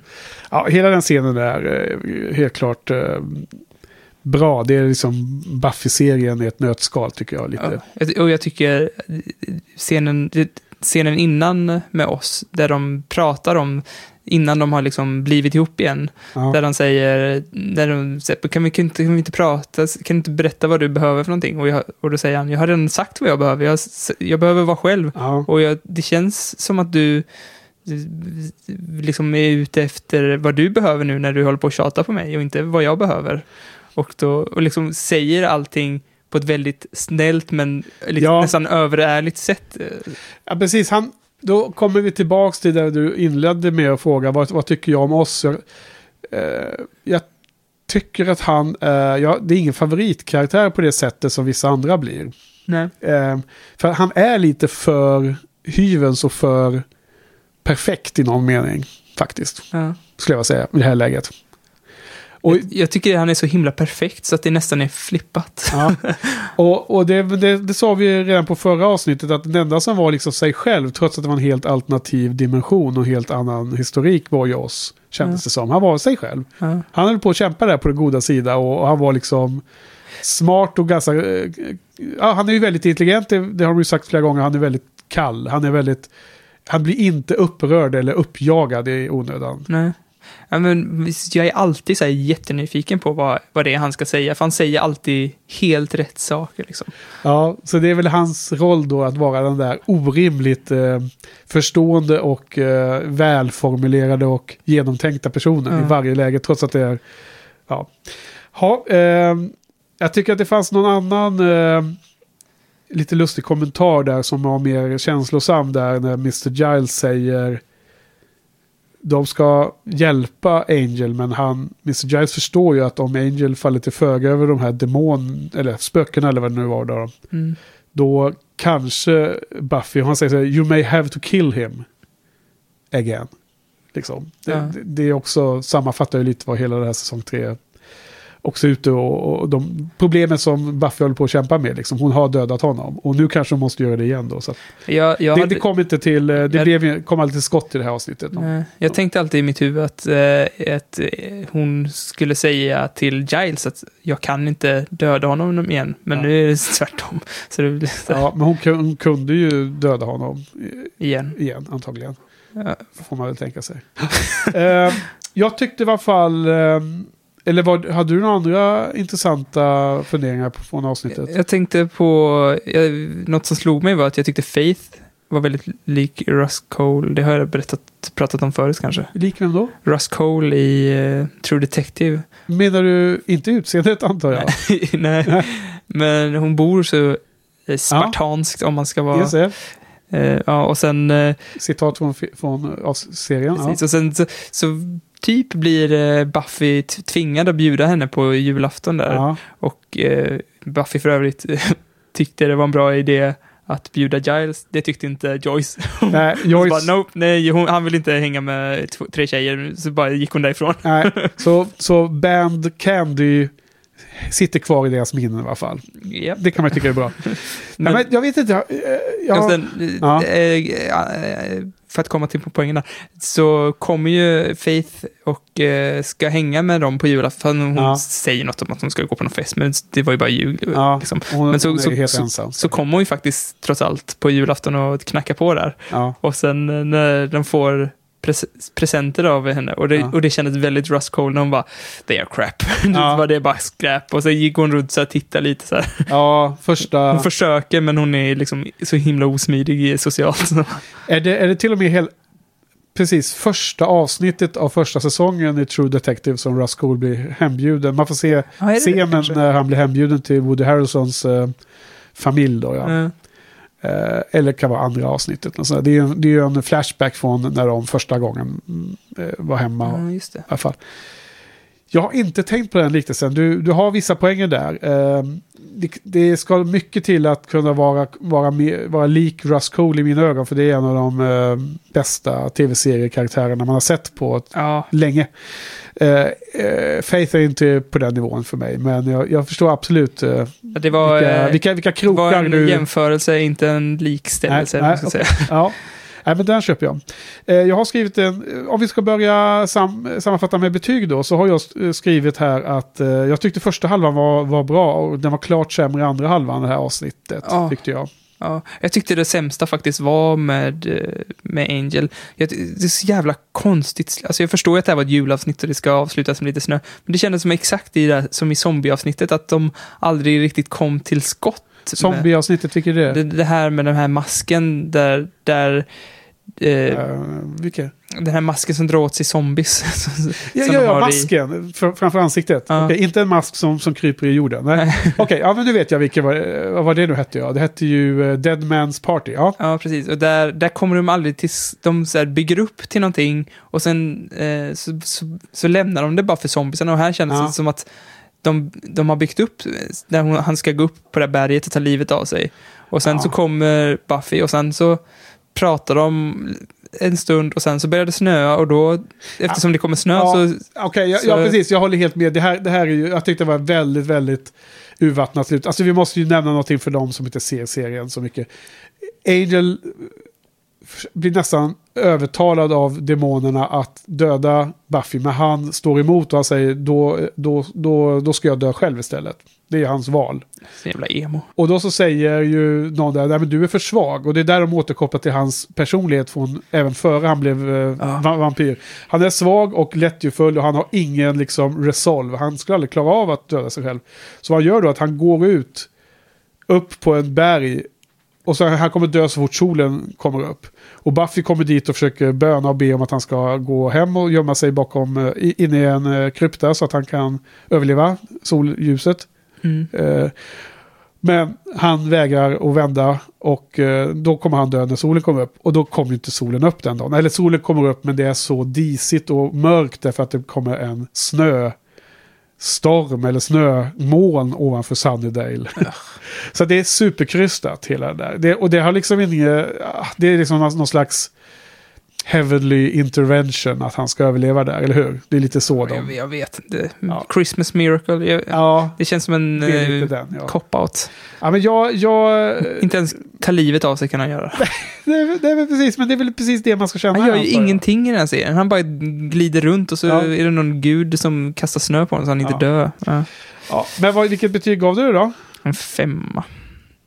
Var det för bra eller? Nej, jag gav det fyra. Alltså de flesta avsnitten går ju så här snabbare och snabbare. Det här gick långsammare och långsammare. Ja. Sen i slutet så bara hände Ja. ingenting. Nej, då så tycker jag att vi, vi går vidare. Ja, Eh, det var svagt. Det var det svagaste idag, tycker jag. Eh, vidare till eh, nästa avsnitt. This is not over. Oh, I should say it's just beginning. Fight it if you want. Just remember, lift a finger against me and you'll have to answer to Moo. Answer to Moo? Did that sentence just make some sense that I'm not in on? Mother is opposed to the occult. A powerful new group. And who came up with that lame name? That would be the founder. I believe you call her Mom.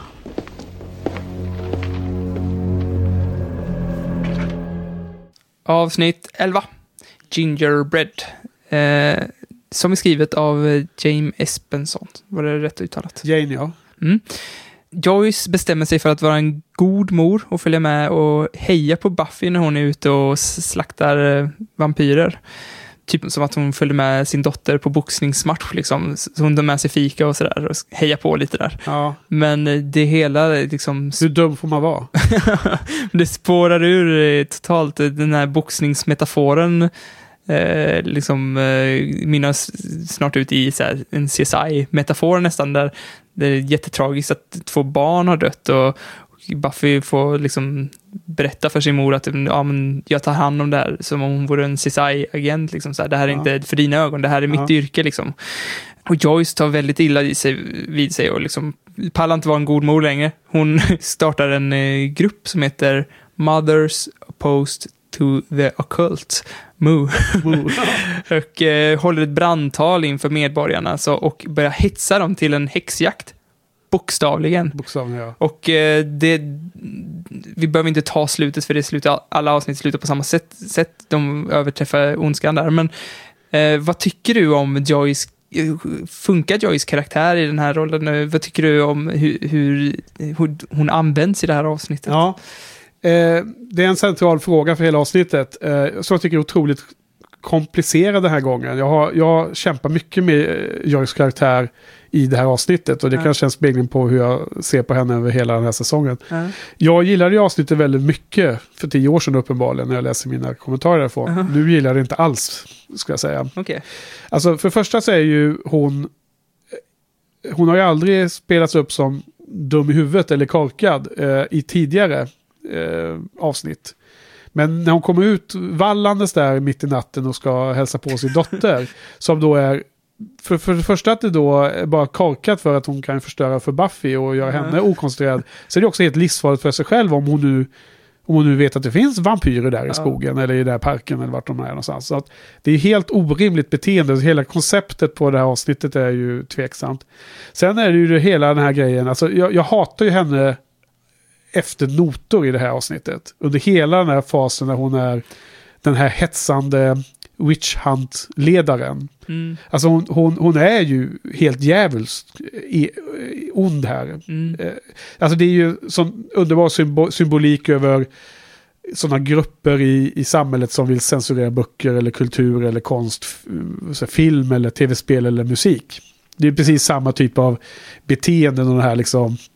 Det finns en scen när hon håller tal inför medborgarna i, i the, the Town Hall. Och eh, när Buffy Willow och eh, vem det nu är, som, om det är Cordelia som är med eller Sander, de tror att eh, Joyce ska prata med någon form av vettig information. Men sen så fram, hör de ju under talet att, att Joyce är helt galen här. Hon är helt förändrad. Och Willow som är en, eh, en häxa i vardandet, en häxa under upplärning. Eh, ja just det, det är ju hon, eh, den andra häxan, vad, heter hon nu? Amy, Amy jag, ju jag tycker det är ascoolt att hon är med så himla lite och får bara Ja. större och större roller hela tiden. Precis. Alltså hon har varit med sen, är det inte typ så andra avsnittet av s- Ja. första säsongen eller sånt där? Exakt, det är från första början. Hon, hon kommer lite då och då. Så jävla Men- coolt. Men den, den scenen är så himla bra när de, Buffy och hennes kompisar, börjar inse hur, eh, hur fel allting är. Sen då är frågan, hur ska man ställa sig till henne? För att det finns den här, de här två barnen som eh, har blivit dödade är ju egentligen en eh, uppenbarelse av den demonen som de fightas mot i det här avsnittet. Och den demonen talar ju i örat på Joy som eh, ormtunga talar i örat på, eh, på Sauroman liksom i Sagan om ringen. Han är ju, hon, de här demonen hetsar ju henne att jaga häxorna och... Ja, alltså det finns ju ett problem med det här avsnittet som är... Det finns mycket bra, jag tycker det finns mycket bra i det här avsnittet också, men jag tycker det mest störande är det här att, att eh, det, deras personlighet, alltså de skulle kunna göra typ som i The Wave, att, att utan magi, alltså, för, för det känns som de, deras ord, deras viskande ord i, i deras öron är liksom förhäxningar. Ja. Och de, de hade kunnat använda förhäxningar till att liksom börja hetsa, precis som det här, som det var jättebra i början, liksom. Ja. att eh, de dödar två barn och sen att de skyller på några och sen börjar hetsa folk mot, folkgruppen mot varandra. Ja. Att det, det hade kunnat räcka så, de hade inte behövt personlighetsförändra dem också, för då hade det kunnat bli typ som, som i The Wave, filmen The Wave, att, att man så här, att man Vilken film är det? det, det, The Wave är att, eh, typ en lärare som, som eh, börjar dela in eh, sina elever så här. Aha. Som, som ett... Är det nå- nå- nå- något som går på bio nu eller? Nej, det är en gammal film. Ja, okej. Och den, den är svinbra. Jaha. Eh, Som är liksom... Jag tror att den är är en del av tyskarnas liksom sätt att... Ja, att, eh, vänta nu. Okej, ja men då tror jag vet. att liksom behandla Hitler-grejen. Ja, ja. Att, hur kunde det här hända lite grann? Och Ja. då är det en lärare som så här, ska försöka illustrera det för sina elever. Så här, hur Just kunde det.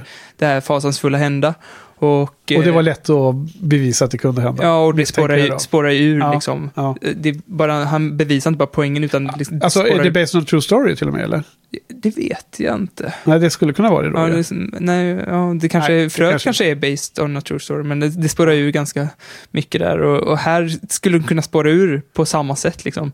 Utan att eh, personlighetsförändra karaktärerna så Ja. gravt. Alltså, för jag har svårt att besvara hur man egentligen ska se på Joyce det här. För att hur mycket är, är det hon själv som har de här åsikterna? Hur mycket är det demonen som pratar genom henne? Ja, för, för i början tycker jag att det är svinbra avsnitt. Ja. Men när jag när han liksom ska döda sin, sina, när mammorna ska liksom dö, bränna sina döttrar, Ja. då, då känner jag att ja, men då är, har det varit magi hela tiden. Då, då, är- Det har för att, långt ja. ja. ja. men från att de till, det ogiltigt för, förklarade hennes brandtal också där i början, Ja. som jag tyckte var skitbra. Liksom. Brandtalet var jättebra. Det är liksom det här hets, hetsandet. ja, det var liksom. en äcklig scen ja. Det Ja. var en effektiv scen. den, den var precis För på du, gränsen du gillar ju inte talet, du gillar ju inte innehållet. Nej, det, nej, nej. Jag tyckte, det var, scenen. jag tyckte det var hemskt tal, ja, liksom. Ja, precis. Men, men det var ju bra liksom, Scen, introduktion till problematiken. ska säga. Ja, men igen så väljer ju showen, och det här måste ju vara per design, det är ju det här de väljer. De, de förklarar alla den här typen av ondska som finns i verkligheten. Det här är ju mass, eh, alltså det är ju, eh, vad heter det, att det, det blir en pöbel som jagar några. Ja. Det kan vara eh, Och det känns så jävla relevant. homosexuella eller vilka som helst. Det kan vara olika grupper i, i samhället som, som det här är en liknelse till. Då, då. Mm. Eller häxor. Det kan vara liksom, eh, några som är annorlunda, vad som Mm. helst. Eh, men istället för att hon ska få vara ond eller, eller fel, eh, tänka fel i det här läget, eller vara var liksom, stå för det själv, har det ansvaret själv, så, så blir det en demon som har gjort det här. Ja. Och det är det jag tycker att Ja, det, på, är, på något sätt så tycker jag att det måste ju vara att Joss vill ha det så här. Varje ja, men det är gång de efter här, gång. de är ju de här grovhuggna metaforerna liksom. ja, som, som, som, de jobbar med. Men jag, jag skulle ju önska att, att det fick vara mer äkta ibland. Och jag kan tänka mig att om vi gör det här avsnittet, gör om det här avsnittet du och jag nu. Vi tar bort den här demonen. Det, det, finns med det som en, ett frö till allting. ja. Då skulle jag vilja se att Joss startar den här Mo-organisationen eller rörelsen. Och att den sen eskalerar ut ur hennes händer. Mm. Hon inte är så ond att hon vill bränna sin dotter på bål. Men att det hon startar kan hon inte kontrollera. Ja. Och sen så vill pöben bränna hennes dotter på bål. Hon, hon säger nej, men det hjälper inte för de bara liksom säger att då får hon också stå på bålet. Då blir den här riktiga häxjakten som det var för länge sedan i Europa och USA och allt det där. Man kan, man kan inte bevisa sin oskuld då längre. Jag skulle nog säga att vi har gjort ett bättre avsnitt Ja. Joss. Men Joss kan gärna få konsultera oss med när det gäller men dialog alltså, och sådär. Men Jo- själva Joss- uppbyggnaden så Joss har vi redan- satt Ja. avsnittet nu, tycker jag. Men jag har redan gjort det avsnittet. Det är avsnittet Safe i Firefly. Mhm. När de landar på en planet som River och eh, hennes bror Simon blir kidnappade för att de vill han är ju läkare och de behöver en läkare i den här... Ja, det har jag inget minne av. Nej men du kommer ju inte ihåg någonting från den serien. Det kom vi fram till den förra podcasten. Nej, men Simon blir kidnappad och de får med sig hans syster på köpet. Och för att de behöver en läkare och eh, de andra kompisarna har, vet inte var Simon och River har blivit tagna någonstans. Eh, då gör ju River misstaget. Hon har ju sina extra skills. Du vet hon har ju lite, lite eh, psycho i Firefly. Ja. Så hon, hon, eh, hon helar ju en liten flicka. Och då blir hon genast kallad som häxa. Så det är precis 16, eller vad, 16 1300-tal eller vad det nu var. På vilken århundrade det nu var. Människor höll på med häxjakt. Och där är det ju en riktig häxjakt. Där vill de ju verkligen... De, de bränner ju henne på bål, eller hon hinner ju inte dö då givetvis. eh, Men hon blir räddad i slutet. Men de, det är precis samma scen. De, de sätter henne på riktigt bål och allting. Det är ett väldigt bra avsnitt. Eh, Ett av... eh, Ett, alla avsnitt är bra i Firefly. Så att, Så det, han har blivit lite inspirerad av sig själv där. Ja, alltså han har gjort det helt utan någon form av demonisk påverkan av folket i byn. Utan det är den här pöben bara, som är helt vansinnig, som inte går att styra, som ingen, ingen rim eller reson går att, att eh, så att säga, ändra deras åsikt. Frågan. Eh, Jag håller på att läsa en bok nu som också känns lite inspirerad av det här avsnittet. Ja, vilken av? Cirkeln. Alltså introt där är ju... Ja. Alltså det känns väldigt mycket som, som det här avsnittet. Ja, men precis. Eh, intro säger jag, den här... Det finns ju en manlig häxa i det här tv-avsnittet, eh, Buffy, som är jättelik eh, den, den killen som är I med i filmen, ja. början av filmen, av cirkeln. Ja. Är Han med, med Mascara. kajal och så runt ögonen. Eh, Jag, jag, jag, jag- fick också lite den vibben faktiskt, att den eh, killen här i eh, tv-serieavsnittet där var lite så här en, en, en eh, liknande honom. Vad, vad hette Ja. han i... Vad fasen hette han i cirkeln? Jag har glömt det namnet där. Eh, Men, eh, alltså jag kände så jävla hårt för den där killen. För han var så jävla lik... eh, I cirkeln? Nej, i det här avsnittet. Ja, okej. I Gingerbread, ja. Ja, för, för han fick väl typ så här, är du manlig häxa? Några Ja, och de klagar på att han var bög och sådär. Ja, för min brorsa han har ju haft en sån häxperiod också. Där han Ja. också gick runt med mascara. Och det var så himla roligt. För att eh, vi var, vi bodde hos pappa ett tag där. Så eh, kom han tillbaka och varit ute på, ja, hade varit ute och gått. Så var det någon som hade sett honom så här och så bara, men jag vet inte exakt vad begreppet, vad han var för någonting. Men Nej. säg att det var så här, är du, är du också vicka? Ja. Och så hade han tyckt att det var ascoolt. Han kunde se att jag var vicka så här, på min liksom, aura. Så bara, fast du ser lite annorlunda ut Ja. än andra människor också. Även, även bokstavligen utseende. Ja, ja. Hur, hur, hur gammal var han då ungefär? Vad kan han varit? Eh, Det var början av tonåren kanske, Ja, i ja. 13-årsåldern, och sån där, 14. För jag kommer ihåg 80-talet i Skövde var det ju inte manliga häxor, men det var ju, folk var ju, eh, hade ju eh, smink och kajal på ögonen och sånt där. För att det var depprockare. Ja, ja, men han, min brorsa har gått igenom allt det där. Han Ja. har varit punkare, depprockare, han har haft Ja men du vet, dreads och... the, the Cure med håret Ja. rakt upp och allting. Men det är så jävla härligt, jävla här, härligt med min bror också, för han har ju, han har, han har ju afrokrull liksom, som Ja. står rakt ut. Ja. Så han kan ju ha alla frisyrer som Okej. finns liksom. Men be- behöver inte ha det här tvål i håret så för att få det, det helt mjuka och raka håret att stå upp. Nej, men I Skövde var det ju, det var ju mer en konflikt, alltså pyrde under ytan mellan de som var liksom typ raggare, skulle man kunna kalla dem. Mm. Alltså Vä- Västgötaslätten pratar vi om här. Ja. Alltså det, som eh, bonniga, mm, motorburna, liksom raggare helt enkelt. Ja. Eller bondlurkar. Rednecks, mer eller mindre. Och sen då som inte alls eh, tyckte att eh, sådana som var depprockare och som såg annorlunda ut. Kläderna, hårfrisyren, eh, sminket. Så det var ju liksom ofta att det var slagsmål och jag, har en kompis som till och med, alltså det var ju i, i rättegång och allting för han blev ju misshandlad och Mm. du vet glasögonen sönder och skadad och så här liksom. Så det var ju så massor med kompisar som fick vittna och så här, så det var hela den här faderullan. Så det kan man verkligen eh, sympatisera med, Ja. den här, den här eh, typen av eh, vibb som man fick där i början av det här avsnittet. Eh, men något annat då. Eh, jag tyckte en annan så här eh, intressant eh, klassisk, eller vad klassisk, jag tror att det är lite klassisk fantasy trope där. Buffy hon lovar i sin mamma, när, när, hennes mamma Joyce ser de här döda barnen, som Mm. för övrigt inte är några döda barn utan det är en demon som, som eh, lägger ut de här, det är inga, dö, det är inga riktiga barn. Det är, Det är bara han själv som... ett, ja, det är han själv, han, han vill ju bara få, så ett frö för att det ska bli Ja. oro i samhället. Då, då så blir ju Joyce jätteupprörd och Buffy börjar säga att I'm gonna make this right och så här, jag eh, lämnar det till mig och så säger hon. Och, men hon kan ju inte, och det säger Joyce också, du kan ju inte göra det här rätt. Du kan inte, de är ju döda barnen. Ja. Det, det är ondska i världen, du kan inte fixa det här liksom. Du, du, du kämpar emot för stora makter liksom, säger Joyce. Och det tycker jag, det jag har läst i fantasy, liksom litteratur och sånt, inte minst en av favoritserierna, här Wheel of Time, det är så himla tydligt att The Dragon där, huvudpersonen som har jättestor makt att förgöra, har inte makten att återskapa livet. Liksom. Jag tycker att det är en återkommande eh, sånt eh, problem, tema, ja. Som, som framkommer lite här, som, som får, man får lite... Det finns ett eh, gnagande oro i Buffy. På tal om gnagande. Vadå? Jag tänkte på Amys. eh, Ja. Blir förvandlad till Pete Pettigrew. Ja, just. Obligatorisk Harry Nej, men Potter-referens. det, visst finns det en gnagande oro att hon inte är tillräcklig, att hon inte eh, räcker till. Ja. Ja, just det. Amy löser ju sitt problem att istället för att bli uppeldad på bål så omvandlar hon sig till en råtta. Är hon en one trick pony? Ja, problemet är väl att råtta kan inte omvandla sig tillbaka till människa va? Nej, det man får be Ron Weasley om hjälp. Ja, eller Willow då, fast hon kan ju inte det ännu. Ja, vad är det mer som händer i det här avsnittet då? Eh, Giles blir knockad. Alltså, Som vanligt. ja, men den här gången kom kommenteras det av Cord. Ja. Så om du...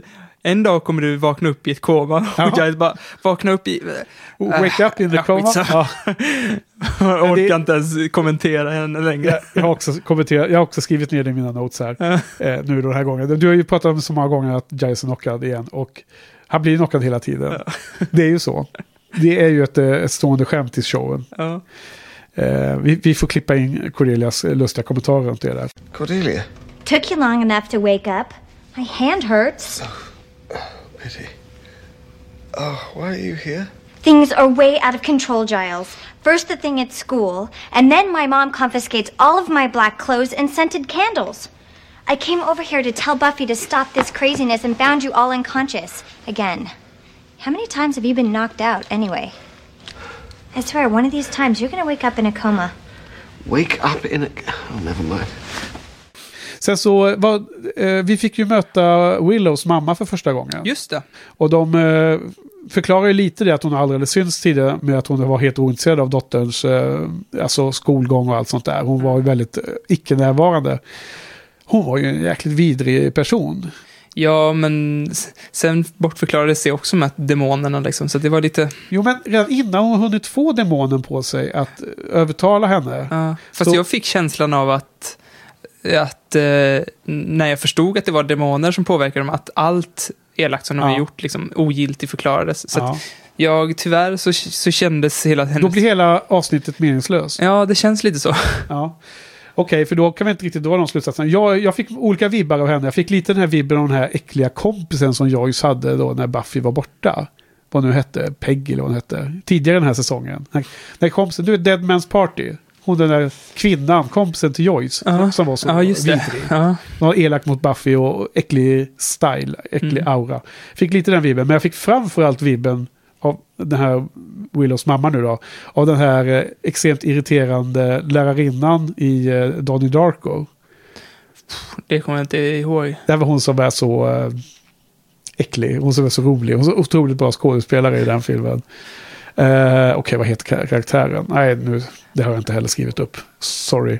Men jag, jag trodde Donnie Darko skulle du direkt, Nej, det var svinlänge sedan jag såg den också. Jaha, okej. Har vi missat det. Då får vi skriva det i show notes. Ja, okej. Eh, sista kommentaren är att det är svagt avsnitt tycker jag, men det, det avslutas roligt när, när, när eh, Buffy hon bryter loss, sig loss med, med den här stora, stora pålen som hon stå, står vid.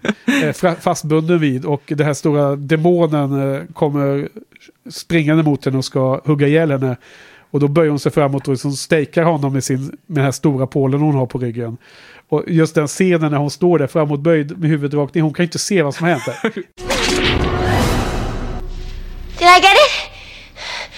Did I get it? Och så, hon spelar den scenen så himla bra också. Ja. Hon undrar, det- det- liksom, fick jag honom? Fick jag honom? Det fångar ju hela den här grejen också om att det, vikt, alltså det viktiga är inte det viktiga, utan det, faran är inte så himla farlig egentligen. Det är liksom människorna som är... Ja, alltså, alltså det, den fighten mot den demonen är liksom helt, Kortvarig. helt oväsentlig för det här avsnittet. Men vilket gör att jag, jag, jag blir faktiskt helt förvirrad. Vad har de egentligen tänkt då? Om det ändå bara är en demon. Alltså det är ju... De leker ju med, med det verkliga problemet med sån här pöbelbeteende och folk som vill censurera. Och, jag menar, de, de tar ju alla Mr. Giles böcker. Det är helt eh, horribelt också. Han behöver ju dem. De eldar ju upp flera av dem. De använder ju böckerna. kommer det få någon... Kommer det få Jag någon... vet inte om som- de kommer kommentera det senare, men det var ju smärtsamt att se böckerna brinna. Ja. Ja, ja. Ehm, jag sätter fyra på den här också alltså. Ja, jag med. Ja. Det är ju liksom, det är helt okej. Det är bra avsnitt, det finns mycket eh, roliga grejer, men, men det, är inte bra, det är inte bra nog för att vara Buffett-avsnitt. Liksom ett, Alltså, ett det full varit- impact. Alltså hade det varit som du sa så hade det varit så jävla bra avsnitt. Om, Ja. det, om det inte hade varit, om demonen hade jobbat annorlunda, liksom att då, då hade liksom fått en mer permanent effekt på folk också. Inte så fort den dog så hade allting nollställts, utan när de Ja. dog hade det fått... det- Mo kanske hade fortsatt kunna leva liksom i kommande avsnitt efter det. Och nu, nu kommenterar de någonting med att de uh, fnyser lite åt att mammorna har liksom valt att glömma av det här det de har gjort. Då, liksom. Mm. Så att det blir någon så selektiv eh, eh, minnesförlust bara för att de skäms väl antagligen så mycket. Att de, de har ändå upplevt att de har, ju- de har inte glömt allting men, men man, man cancellerar effekten av det genom att liksom showen accepterar att både Joyce och Willows mamma valde att glömma det här. Liksom. Ja, för någon kommer ihåg pojkvän. Jag tyckte, jag tyckte det var nice när Willow skulle göra uppror mot sin mamma faktiskt. Ja, hon- var inte bra på det. När hon bara, jag och Beelzebub är polare. And I'm dating a musician. Oh, Willow. I worship Beelzebub. Okej, men vad säger du? Eh, är vi nöjda för idag eller? Ja. Ja. Eh, men då får vi, eh, vi, då säger vi tack Sofia. För kommentarerna. Ja. Och tack Henke. Tack Johan. Tack Joss. Och Tack tack, för för oss. Wow. Vi sa det samtidigt. Ja, för en gångs skull.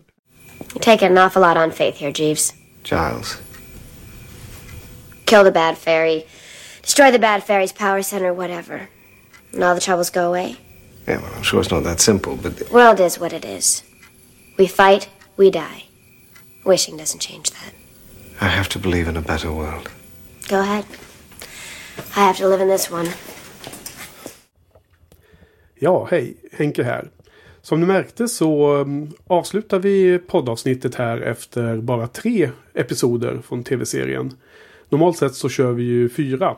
Och anledningen är att eh, avsnittet den här veckan blev så långt så vi har valt att dela upp den på två poddavsnitt. Så den här veckan och det ni har hört nu var de första tre avsnitten. Och nästa vecka, nästa måndag, då eh, kommer poddavsnittet innehålla det fjärde avsnittet Helpless samt en lång rapport från The Slayer Club. En Buffy-fest som hölls eh, på Nalen Club och i fredags den, den 18 mars. Och eh, på grund av eh, att vi vill ha med massor med kul material därifrån så fick vi dela upp det helt enkelt. Så eh, nästa vecka så blir det del två av det här programmet. Och veckan därefter så är vi återigen i vanlig ordning med fyra episoder per poddavsnitt. Så eh, vi hörs om en vecka igen. Hej hej! Got a little